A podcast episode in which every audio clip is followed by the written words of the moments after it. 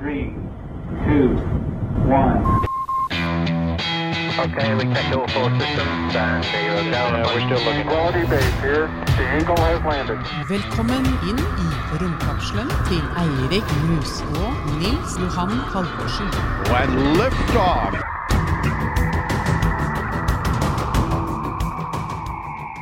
I'm an alien, I'm a legal uh, alien. I'm an, uh, ikke Englishman in New York, men uh, kanskje en alien uh, i New York. hva vet jeg. Dette er Eirik Knuts romkapsel, og vi skal ta for oss store spørsmål i dag. Er de her?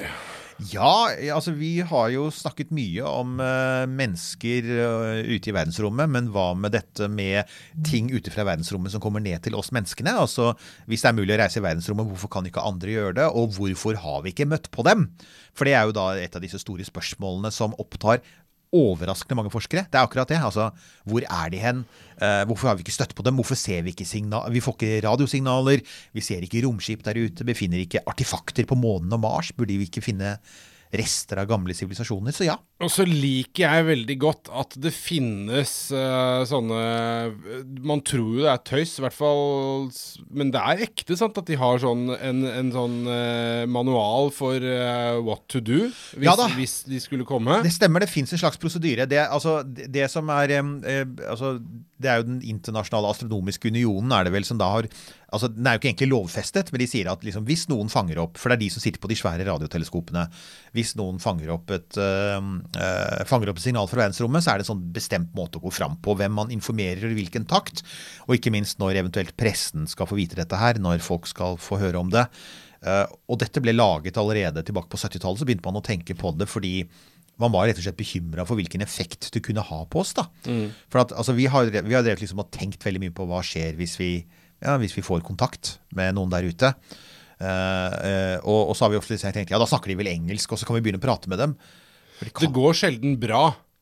Hvis går- man skal tro Hollywood-versjonen, av det sånn, så går det sjelden bra med oss. Ja, altså ofte så er det sånn invasjonsscenarioer, da, at de kommer for å drepe oss. Men det kan jo være sånn som uh, mange har påpekt, at altså, noe som skjedde f.eks. når europeere kom til andre deler av verden med sin overlegne teknologi. Så hendte det selvfølgelig de drepte folk, men det var jo ikke bare det. Det var rett og slett at ofte ble disse altså, folkeslagene med, med enklere teknologi ble overkjørt. Ja. Altså Det ble liksom utvisket, så de begynte å drikke Coca-Cola, gå med T-skjorter og glemte sin gamle kultur. Og det er jo det man har tenkt på da, liksom Kommer det noe med overlegen teknologi og kanskje også overlegen kultur, da, så kan de rett og slett bare sånn wipe ut vår sivilisasjon. da. Og da kunne de vel egentlig ha gjort det for lenge siden, vil jeg nesten Ja! tro. Fordi eh, vi har jo gått i en del sånne dustefeller, eh, altså menneskeheten, Ja. eh, når det gjelder dette her med å ikke være så flinke til å la være å tenne bål midt på natta, hvis du ikke skal bli sett, da. Ja, det er det. Og, og, og det har man, man har jo lurt veldig mye på det også. Altså, det man også har tenkt på, da, er jo Altså, universet er stort. Det er utrolig mange stjerner der ute. Nå vet vi at det finnes masse planeter der ute. Mange av dem ligner på jorda. Universet er gammelt. Så, så det har jo vært en tanke veldig lenge også at eh, altså, Det må jo ha vært sånn at ok, liksom vår sivilisasjon har oppstått på et tidspunkt, men det er kanskje tilfeldig. Eh, Kanskje noen tilfeldigvis oppsto en million år før. Tenk deg liksom hva vi kan gjøre i løpet av en million år. Og så er det, det har mange sagt at selv om en, selv om en annen fremmed sivilisasjon bare oppsto noen få tusen år før oss, så er noen få tusen år utrolig lang tid hvis du først har høyteknologi. Og da burde jo de egentlig kanskje ha bygd det som trengs for å enten sende signaler, eller rett og slett komme hit, da. Og så vet vi jo at de har vært her, fordi vi vet jo at uh, f.eks. pyramidene er jo uh, ufo-batterier. Ja, de er det. Det er jo, eh, det var jo, Jeg husker jeg vokste opp på 1970-tallet. Det har vel folk for lengst skjønt i denne podkastserien. Men da en av de store personene på det tidspunktet var en fyr som het Erik von Deniken. Det var akkurat Ja. eh, Erik von Deniken jeg sikta til. han, han er jo en av dem Himmelvognen. Himmelvognen, ikke sant? Uh, ikke sant? Uh, og han uh, tolket Bibelen, og han tolket arkeologiske levninger. Py pyramidene i Egypt, disse her svære figurene i Nazca i Sør-Amerika. Ja, som ser ut som sånn så ser ut som menn, ja. ja, så ser ut som menn, og så ser ut som fugler og lange striper som ser ut som landingsstriper, for så vidt. ja fordi de er så rette. Fordi de er så rette. Og, og, og mye av det han sa, da, handlet om sånne ting han sa. eh, Så, altså, folk med en så primitiv teknologi for så lenge siden kunne umulig ha gjort disse tingene. Og da var det jo veldig mange arkeologer som sa jo, det kunne de. Det tok tid, men det var fullt mulig for dem å gjøre det. Eh, men han insisterte på det. Han hadde mange tilhengere. Jeg husker at jeg brukte en god del av min eh, ungdom til å krangle med von Deniken-tilhengere. jeg, jeg reagerte, jeg leste alle bøkene hans, men jeg reagerte ofte på hvor mye dårlig astronomi det var, da, for det var det. Så jeg som, som sånn astronominerd så tenkte jeg at ok, hvis han skriver så mye feil om stjernehimmelen og, og stjerner og planeter, så er det antagelig mye rart i det andre òg. Da har jeg lyst til å innrømme en ting. Ja. At da jeg eh, leste noen av, ikke alle, men jeg har lest noen av bøkene til Erik von Deniken, eh, jeg reagerte ikke på overhodet eh, astronomien. Jeg syns bare Oi, dette er Men han- utrolig stilig. Han skrev jo godt, mannen. Og det er jo altså, altså eh, Vi har jo eh, Altså, det har jo vært skrevet ganske mange sånne sånn konspirasjonsaktige bøker der ute, og sånne litt mystiske teorier. Eh, Det var annet en fyr som jeg også leste på, på den tiden, som het Immanuel Velikovskij. Han uh, han, skrevet en bok som het 'Worlds in Collision'. og Der forklarte han store deler av Bibelen med at jorda hadde kollidert med en annen planet for noen få tusen år siden. Som var helt vilt, sånn rent astrofysisk. Han hadde, Velikovskij hadde massevis av lesere. Også han skrev godt. Jeg leste jo boka og tenkte dette er jo innmari godt skrevet. Det er jo spennende og meddrivende, og det er en fantastisk teori. Men uh, feil, da. men, Ja, ja. Altså, men, men her er jo saken, og det er, det er litt viktig, tenker jeg. Altså at Ofte så kan man få følelsen av at ah, ja, eh, altså astrofysikere og fysikere og, og andre naturvitere de er ikke opptatt av denne biten her, men det er de jo faktisk. Altså, dette har jo vært et seriøst forskningsfelt ganske lenge. og Allerede i 1950 så var det jo en veldig berømt fysiker, eh, Enrico Fermi, heter han, det var han som faktisk oppfant kjernekraftverket i 1942. Italiener. Han gikk sammen med to kolleger på vei til lunsj på universitetet sitt i 1950, og de diskuterte ufoer. For var, folk var blitt veldig opptatt av ufoer på den tiden. Det begynte sånn rundt 1948. Ja, og Etter andre verdenskrig så var det veldig mye ufoer der en periode. Sant? Og det, og, og det var massevis av sånne, pi- sånne småflypiloter og sånn, og og også militærpiloter, som så ting på himmelen, og de kalte det var da du kom ideen om flying saucers, flygende tallerkener. Eh, og disse tre gutta, de var jo egentlig, i og for seg så mente de jo ikke at ufoer var umulige, men de, de syntes ikke disse observasjonene var særlig gode. De trodde ikke egentlig at dette så ut som romskip. Men så er det han Fermi da sier, men han sier, men med tanke på alt det vi har snakket om nå, om liksom, om hvor stort universet er, hvor mange planeter det fins, hvor, hvor, hvor lang tid man har hatt på seg, altså sier han, burde det ikke noen før oss da, for han, han sa vi, vi kan jo reise i rommet. Eh, De hadde jo V2-raketten, tyskernes rakett som var i rommet, så man visste at romfart var på vei. Burde ikke noen ha gjort det før oss, sier han. Og da sier han, hvor er de hen? Det er liksom, liksom Where are they? Og det store spørsmålet det har forskere holdt på med ever since. Som er sånn Hvor er de hen? Og så har de laget seg noen teorier da, om um, noen ganske kule sånn, forsøk på svar. For at de fleste forskere altså mener at vi har enda ikke møtt dem. Nei, nei, ok, så det er den gjengse oppfatning. At det, det, det Hadde man gått under sagt at de er her, så hadde man jo blitt uh, lagt inn uh, med en gang, vil jeg vel kanskje anta. Men kan jeg bare få lov Ja. til å Jeg har nå sittet og sitret inne med eh, Ja, ja. et par bare ting, bare sånn at vi, vi glemmer det ikke. Vi er fullstendig klar over eh, 1948, Roswell. Og Ja. så Area 51. Bare sånn, jeg vil bare Vi ha ta- sagt de orda. Ja, men det, altså, det er egentlig innmari bra du sier det. Altså, for det første så syns jeg det er bra at du ikke sitter for lenge, for det er ganske vondt å sitte i vektløshet. Det vet vi jo. Uh, det andre er at, at det du nevner der, er jo tross alt den vanligste forklaringen, da. Som er hvor er de hen? Eh, vel, de er her allerede, ikke sant? Det er innmari mange som tror det. Det er jo langt flere som tror at vi- altså, Sånn typisk man lurer liksom, Hvor mange som tror at vi ikke var på månen? Det er faktisk ikke så mange. Men det er ganske mange som tror at det faktisk eh, Den amerikanske regjeringen vet at det finnes romvesener. Eh, de fant dem bl.a. etter et krasj i 1948, som du sier, er Roswell, New Mexico, er det vel? Stemmer. Uh, Area 51, som for øvrig er hemmelig område fremdeles. Det er jo område Å, ja, ja. For, det er jo for testing av fly, er det vel? Altså sånn, eh, og det er jo det amerikanske forsvaret også påpeker. da. De sier uh, unnskyld, dere ser mye rart der. Det er ikke så rart, for at vi, det flyr mye rart der. Ja. Men hvor kommer den teknologien som dere bygger disse flyene Ah, Ikke sant? Jepp. og det, er jo da, det har jo da vært en vanlig Har jo faktisk eh, blant, blant annet vært påstått at transistoren, da som er en sånn veldig viktig elektronisk komponent. eh, du får, ikke, du får f.eks. ikke laget smarttelefoner eller datamaskiner. Var det Wikipedia-forklaringen på transistor som du tok fram der? En veldig viktig elektronisk komponent? Transistor, kolon. Transistor kolon, en veldig viktig elektronisk komponent. Poenget er, det, det har vært folk som har sagt at nei, eh, transistoren det er Roswell-teknologi. ikke sant? Ja. Eh, for at altså, vi ser ikke noe som altså, den, den, den er såpass oppsiktsvekkende at uh, den må komme derfra. Det finnes mange sånne teorier om, eh, om, om at altså, det er allerede romvesener der. De som er Uh, de som er, den, den mest ekstreme er jo den som sier at ikke bare falt det ned romvesener i 1948, og så har man falt ned romvesener siden, men de er jo faktisk blant oss. Ja. Og jeg liker, jeg liker tanken på det. Jeg liker tanken på at eh, det finnes eh, romvesener som, som er her, og som kikker. Og så blir det jo alltid sånn at de kommer og sier ah, 'Vi har kommet for å redde dere fra dere selv'. Ja, så er det jo da og dette er jo igjen, det er vel en, jeg jeg husker ikke navnet på han, men det er en engelskmann som har laget seg en hel teori rundt dette om at eh, altså, ikke bare er de her, men de har jo inntatt alle lederstillinger i samfunnet. Det er han som mener at det er en slags øgleart fra en annen stjerne. Ja, han har sett den serien V Ja! fra 80-tallet. Den strålende, strålende Ja, V var serien. fantastisk. Det var jo sånn invasjonsscenario. Det er også Ja. ganske vanlig. sant? At når de kommer, så er det invasjon. Det er jo veldig vanlig i filmer. Jeg husker V veldig godt. Det var jo sånn motstandsfilm. Det var sånn Gutta Ja. på skauen med, med romvesener. Og, og det var også, og selv til å være 80-tallet, de var ganske, var ganske fint gjort med de der øglene med at du liksom Har du sett det i seinere tid, så var det ikke så fint gjort. Helt sant. Man skal, al man skal aldri gå tilbake til en gammel film og se på spesialeffektene, med ett unntak, og det er 2001 av Kubrick. Men bortsett fra det du lurt inn den eh, her også, altså. Den faste. Men ellers er det det er helt sant. Men poenget er han, og ganske mange med han, da, mener jo da f.eks. at Erna Solberg er en øgle. Ja. Så da er det opp til lytterne. Dere får jo følge med selv. Altså, Ser hun med litt sånn spesielt sulten blikk på fluer? Eller altså, er det noe med øynene hennes? Har hun egentlig ikke runde pupiller, men vertikale spalter, sånn som liksom katter og øgler?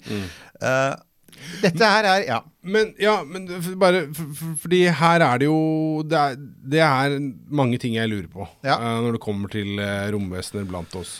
Og så har jeg bare lyst til å framstå mm. som litt smart og ja. belest. Ja. Uh, og da har jeg lyst til å dra fram Var det ikke Voyager-sondene hvor denne her gullplata ble lagt på? Hello from the children of planet Earth. Herzliche Grüße an alle. Tantiaguri saluti. Go away to Haba. 我们都很想念你们，有空请到这儿来玩。 Здравствуйте, приветствую вас. تحياتنا للأصدقاء في النجوم يا ليت يجمعنا الزمان Hartelijke groeten aan iedereen. Hvor de har blant annet Jeg så en dokumentar for ikke så lenge siden om innholdet på den, den plata. De har noen låter eh, på den, og så det er noe, noe sånn klassisk musikk eh, blant annet, og så har de vel noe yes, rock. Noe, noe Beatles eller et eller annet sånt. Noe, Ja. helt, eh, nei, det var ikke Beatles, for de er jo så kjipe på rettighetene. Men, eh, og så er det jo da blant annet litt sånn informasjon, DNA-informasjon om mennesket. Mm. Og så har jo mange da blant annet eh, nå eh, avdøde Stephen Hawking mente at fy fader, for en utrolig dårlig idé eh, å dele denne informasjonen, for da gir du jo oppskriften på vår undergang til en teknologisk overlegen rase som skal komme og suge ut alle ressursene som eh, Terra Nova, planeten jorda, har å by på. Takk for meg. Ja. Og der har du Og du fikk altså du fikk stengt inn Stephen Hawking. Det er mye mer belest enn mitt 2001, får jeg bare si det. Uh, ja, uh, det er jo helt Det er jo, det er jo for, for sant. Men nå kan jeg si at akkurat Voyager flyr jo veldig langsomt. Altså Voyager flyr jo Men den har flydd lenge. Den har flydd lenge, men den er enda så vidt kommet ut av solsystemet og for å komme til den nærmeste stjernen som vil liksom bruke sånn typ 40 000 år. Så det er jo sånn sett langt mer alvorlig at vi sender radiosignaler ut. For de går med lysets hastighet, det raskeste i universet. Eh, og, og der er det jo sånn at kraftige, altså radiosignaler som er kraftige nok, eller uh, TV-signaler altså i det hele tatt, og radarsignaler, uh, det, de har vi sendt ut omtrent siden krigens dager. Det er jo de som mener at de første kringkastere TV-sendingene var jo eh, Berlin-olympiaden i 1936. Eh, og at de, de signalene det er, altså Nå må vi gjøre sånn kvikk matte her. ikke sant? Vi begynner å nærme oss sånn type eh, 83 år eller noe sånt nå. Altså De har vært på vei utover. Hvilket vil si at de er nådd ut til en til- De kan liksom det innenfor en kule med en uh, diameter på sånn 160 lysår, da. Det er ganske mange hundre stjerner. Så er det signalet nå oppfangbart, og etter det kommer det jo stadig sterkere signaler. De begynner med radar under krigen, og, og så etter annen verdenskrig kommer de svære radarene til russerne og amerikanere som skal fange opp eh, atomraketter. Og de er jo kjempekraftige. De kan nå tusenvis av lysår ut. Så, og så har vi også dessuten sendt ut budskap. Så, men så, så sorry, Stephen Hawking, men det løpet er litt kjørt, altså. Ja, jo, for all del. Eh, Så, men han, har, han, han kan ha rett, og det er jo, du vet at det er en av teoriene om at hvorfor ikke vi har fått kontakt. For at, igjen, de fleste mener jo at vi ikke har fått kontakt. Og en av teoriene er jo faktisk at um, det er noe der ute som ødelegger sivilisasjoner, og alle de andre sivilisasjonene holder kjeft av den grunn. Ja. de sitter helt musestille og sier nei, nei, nei, nei, ikke si noe! Vær stille! Fordi at, og det er litt sånn Independence Day-scenario. Det kommer en sånn derre svær eh, det er en veldig mektig alien-sivilisasjon med gigantiske romskip som er sånn de, i, I Independence Day snakker de om som en slags gresshoppesverm. Ja, ja. Som drar fra planet til planet, tar alle ressursene, og hver eneste gang og, og, og her er jo greia, I det øyeblikk vi begynner å sende radiosignaler, da veit de at det er en sivilisasjon som har kommet ganske langt.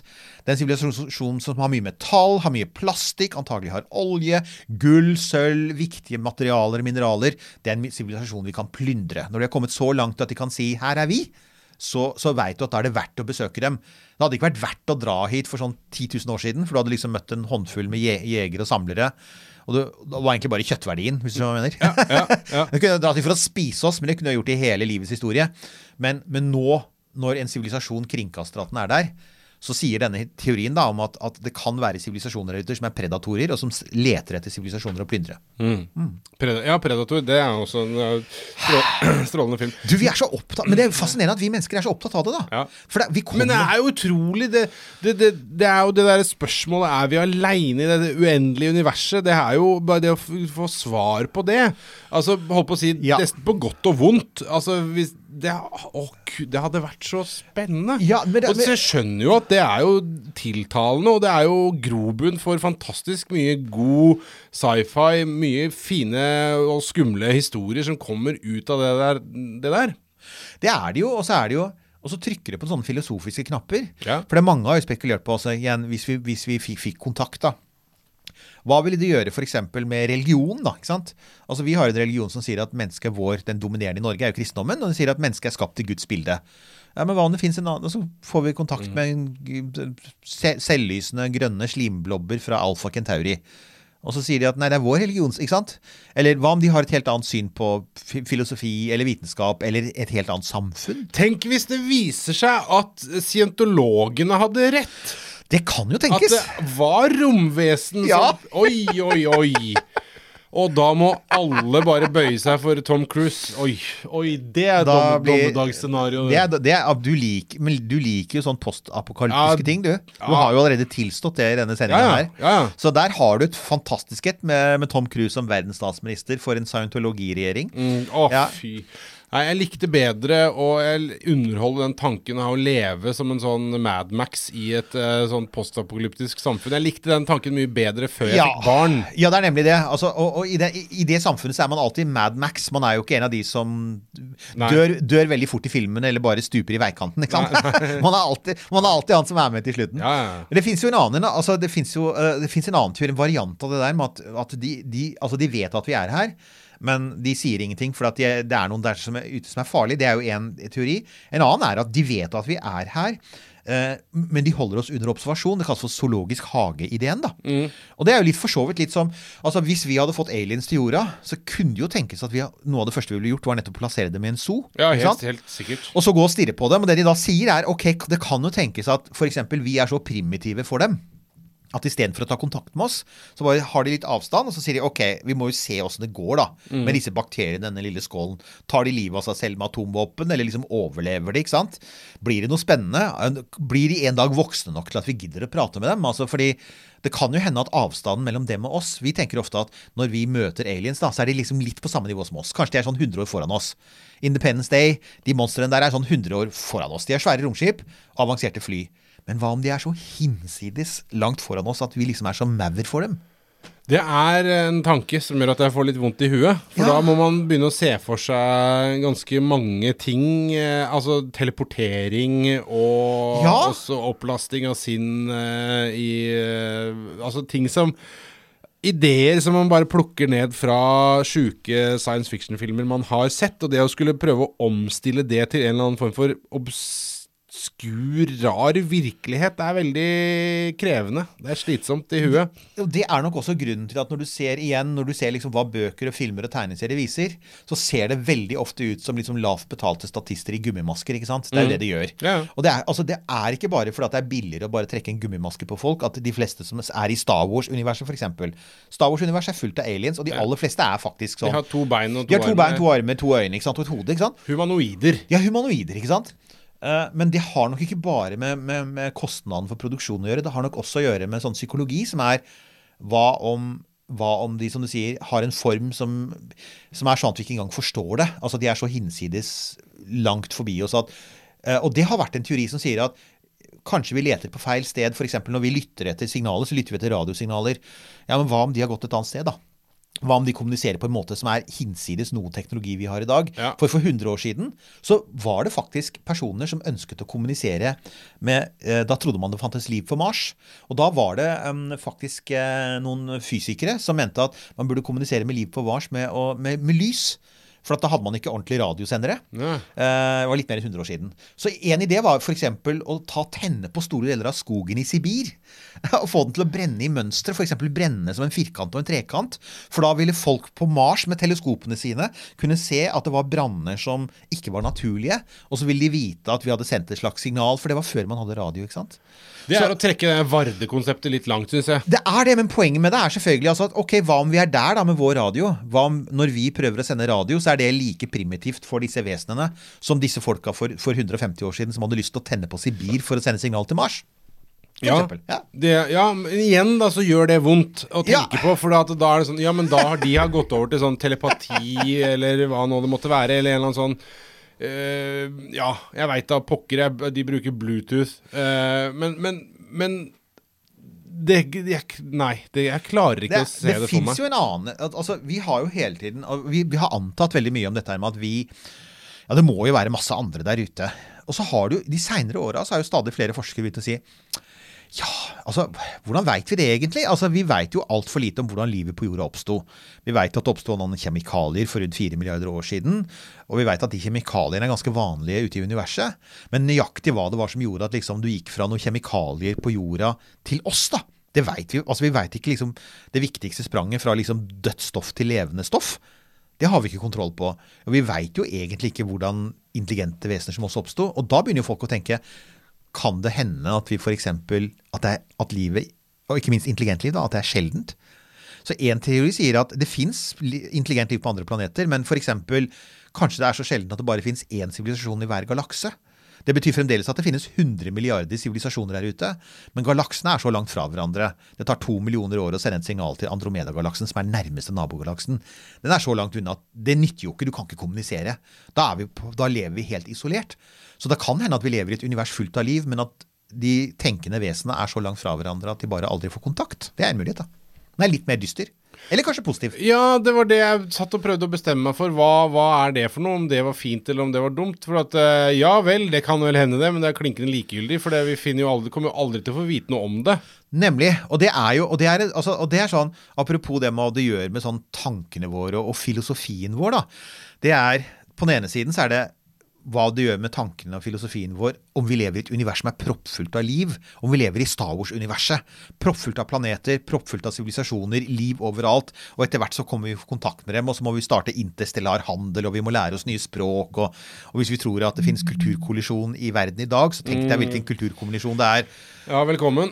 Ikke sant? Å kommunisere med liksom sånn skogfolket fra Antares, det blir ganske slitsomt, tenker jeg. Og ikke minst å lære seg språket deres.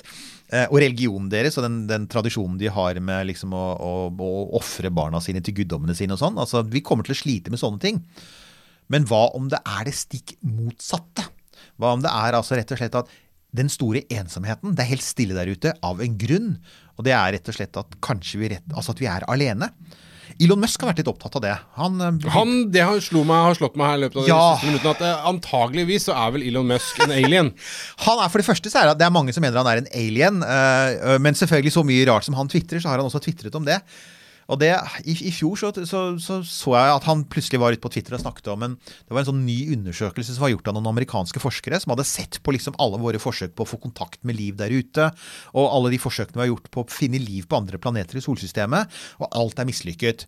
Og det de begynte å si, var Det kan jo hende, hvis liksom, de hadde brukt en matematisk metode, da, så hadde de kommet til at det kan hende at sjansen for at vi er alene, er så stor som 30 Ja. Altså det er ikke sånn at ja, det er nesten, nesten helt umulig at vi er alene. Det er, så, det er så lite at vi bare kan glemme det. Nei, Siri. Det kan faktisk tenkes at det er en ganske stor sannsynlighet for at vi er alene.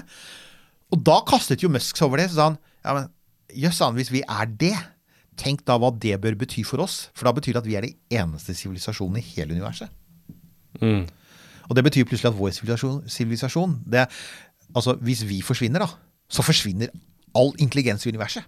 Ja, det gjør jo ingenting for universet. universet Snarere tvert imot. Det ville kanskje vært bedre. Nja, altså det fins jo, jo, til og med- jo til og med en teori om det som sier at vel, altså for universet Altså universet er bare en stor og død ting, men det at det finnes noen som ser universet, det tilfører jo noe helt unikt, da. Og det er altså eh, det finnes en sånn, en sånn gammel filosofisk tanke som sier at hvis et stort tre faller i skogen og ingen hører at det faller, Lager, ja. har da det treet falt i virkeligheten? ikke sant? Ja. Og det har man overført på universet. Så sier man hvis det oppstår et univers og det ikke fins intelligent tenkende liv i det, eksisterer det universet i det hele tatt da? Hvis ikke det fins noen der som kan se universet og si ikke sant, det fins.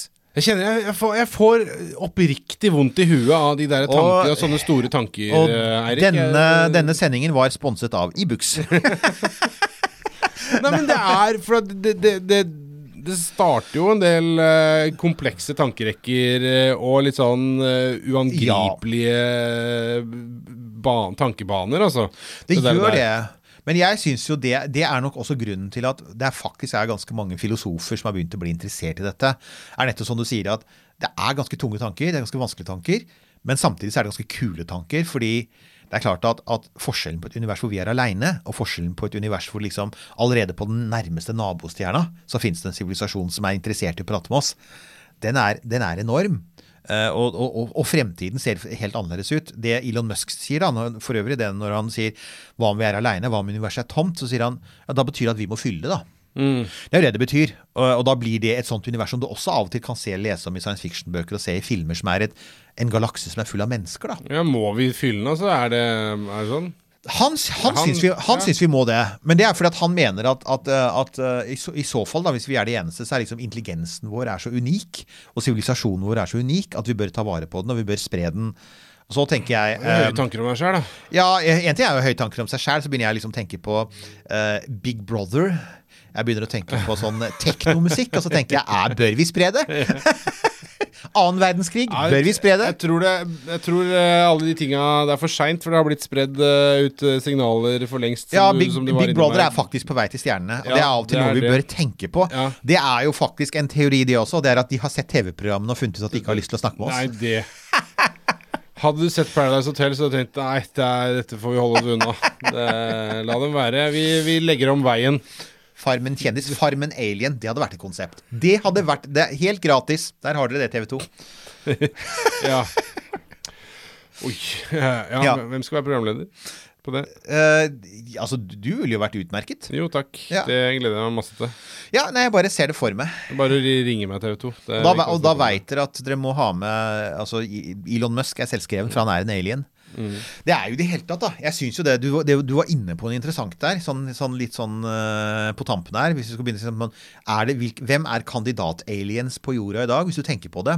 Hvem er såpass altså, For det er jo Det er ikke til å komme forbi at det fins jo ting der ute som er såpass rare at du liksom tenker det må være fra verdensrommet. Ja. For eksempel så fins det en, en, en, en datamaskin fra det gamle Hellas som heter Antikitera-mekanismen. Det er helt sant. Det er, altså, det er en liten datamaskin. Mekanisk, selvfølgelig, ikke med elektronikk. Eh, og Det er bare funnet én av dem, og ingen skjønner helt hvor den kommer fra. Og den er utrolig avansert. Og så har du Bagdad-batteriet. Et batteri som er, ble funnet opp 2000 år før det fantes Før, før det fantes, Før det fantes strøm. Før det fantes noe å lade. Ja. eller, eller bruke det på.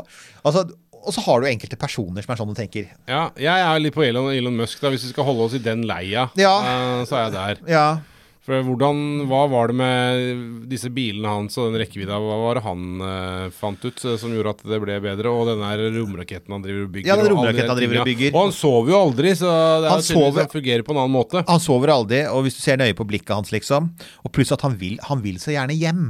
Ja. Dette er jo litt sånn phone home-greier ved det også. Han vil Nå jo begynner det å spore utrolig ut til å bli søndag, søndag, søndag. Dette er den der avisa, husker du den? Jeg husker den avisa. Nok en ting som daterer oss her, men jeg husker den veldig godt. Ja, nei, så for å, um, for å runde litt av, da, så er poenget her er jo at, at alle disse spekulasjonene som man holder på med, eh, de har jo de har, de har, de har en nytteverdi. Eh, og ikke minst, altså En ting er at de har nytteverdi for de som liksom forsker på livet i universet, for de må jo også lure. De må ha en teori om hvorfor ikke de får fange noen signaler, og hvorfor ikke de har funnet noe liv på, på Mars foreløpig fremdeles, eller noe annet sted i solsystemet. Eh, men det er jo også mange, en, Åh! Beklager, Sorry sorry at jeg skulle tulle til uh, Nei, nei. oppsummeringen din her nå. Men, men uh, et spørsmål det du- dukka opp her nå. For at det som slo meg nå, det var wow-signalet. Ja!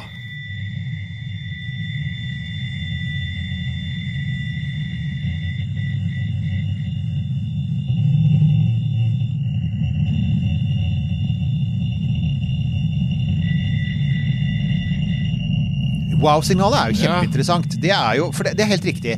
Det er ett signal, og man kan bare google det. Wow-signal. Fordi jeg har sittet og, og sp- spunnet rundt på noe. For at jeg hadde For mange mange år siden så hadde jeg installert det her SETI-programmet. Ja. Som eh, Seti at Home, ja. Ja, ja, ja, ja. Som ikke bak, lagde veldig fin grafikk, husker jeg. Ja, ja, det så utrolig kult ut. Så ut som datamaskinen gjorde noe viktig. Ja, og den fant Altså, det, det, det den gjorde, var at den gjorde noe viktig. Den fant ingenting. Det er jo Mm. det. Altså, de fant noen sånne kandidatsignaler, men alle viste seg å ha en eller annen form for eh, naturlig bakgrunn. Det er helt riktig. Dette var vel i 77. Amerikansk radioteleskop, hvor det er en fyr på vakt om natten som eh, de, de leter etter signaler fra verdensrommet.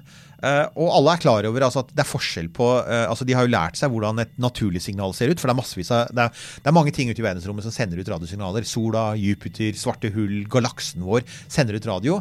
Men det er, det, er, det er naturlig radio. Det er naturlig spraking. Og så har du kunstige signaler. Og det er stor forskjell på dem. Så, det, så denne fyren her satt jo rett og slett og så etter kunstige signaler. Eh, og dette var jo før man hadde sånn avanserte datamaskiner som kunne identifisere dem. Og så, så midt på natta så detter det da inn et signal som, eh, som ser så rart ut og uvanlig ut at han da skriver 'wow' i margen på den utskriften. Da kom en sånn print ut, da. Um, og det ble hete wow-signalet.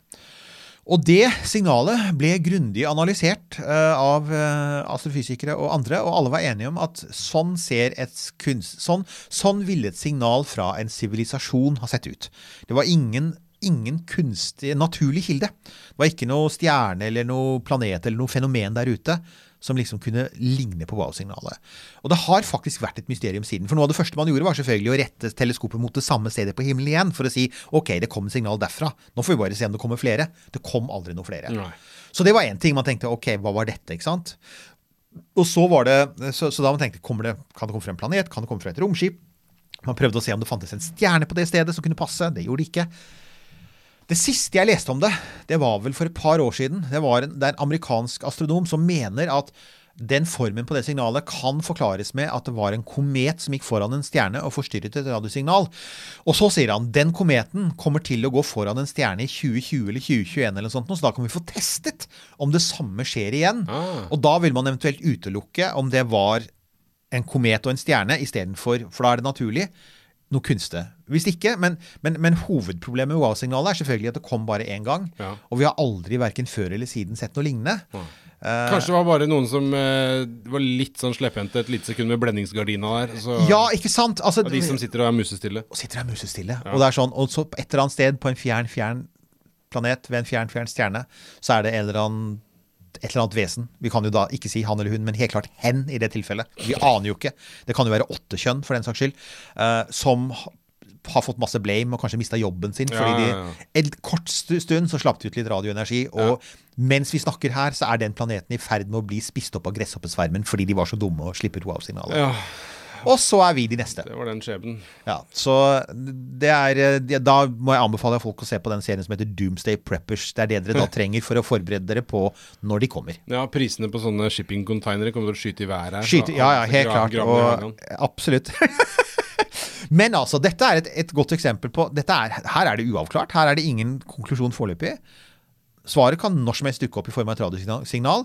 Eller, spør, spør du meg, min favoritt selvfølgelig, at noen lander på plenen foran Det hvite hus og går ut og sier 'take me to your leader', får se lederen, løper skrikende inn i romskipet og flyr sin vei igjen. Yes. Ja, nei, eh, nå må jeg gå og legge meg nedpå litt, for jeg har så mange tanker i hodet. Ja, det er, så det er helt normalt å ha mange tanker i hodet når man har vært gjennom dette, men, men igjen, det er et, det er et går fint an å ha de tankene, og er ikke, du er ikke rar hvis du har dem. Det er mange forskere som har dem. Eh, og får du litt vondt i hodet, så, så ta en tur i frisk luft. Og når du liksom sånn da har roet seg litt, så kan du eventuelt stikke innom romkapsel.no, der vi jo legger ut denne episoden, sånn at du kan høre den igjen og høre alle de andre episodene. Og der finner du også lenker til litt mer stoff om både liksom dette Fermi-paradokset med han fysikeren, og ulike forklaringer. Jeg har sett lister på er det sånn som, Jeg tror Wikipedia har noe sånn som 40 eller 50 forskjellige forklaringer. ikke sant? Og litt annet sånn seriøst stoff om liv i universet. Og selvfølgelig så kan du legge inn spørsmål og kommentarer der. Du er flink til å plugge den nettsida, det er veldig bra. Romkapsel.no. Romkapsel.no. Takk for nå, da. Takk for nå, og eh, tenk forsiktig, folkens.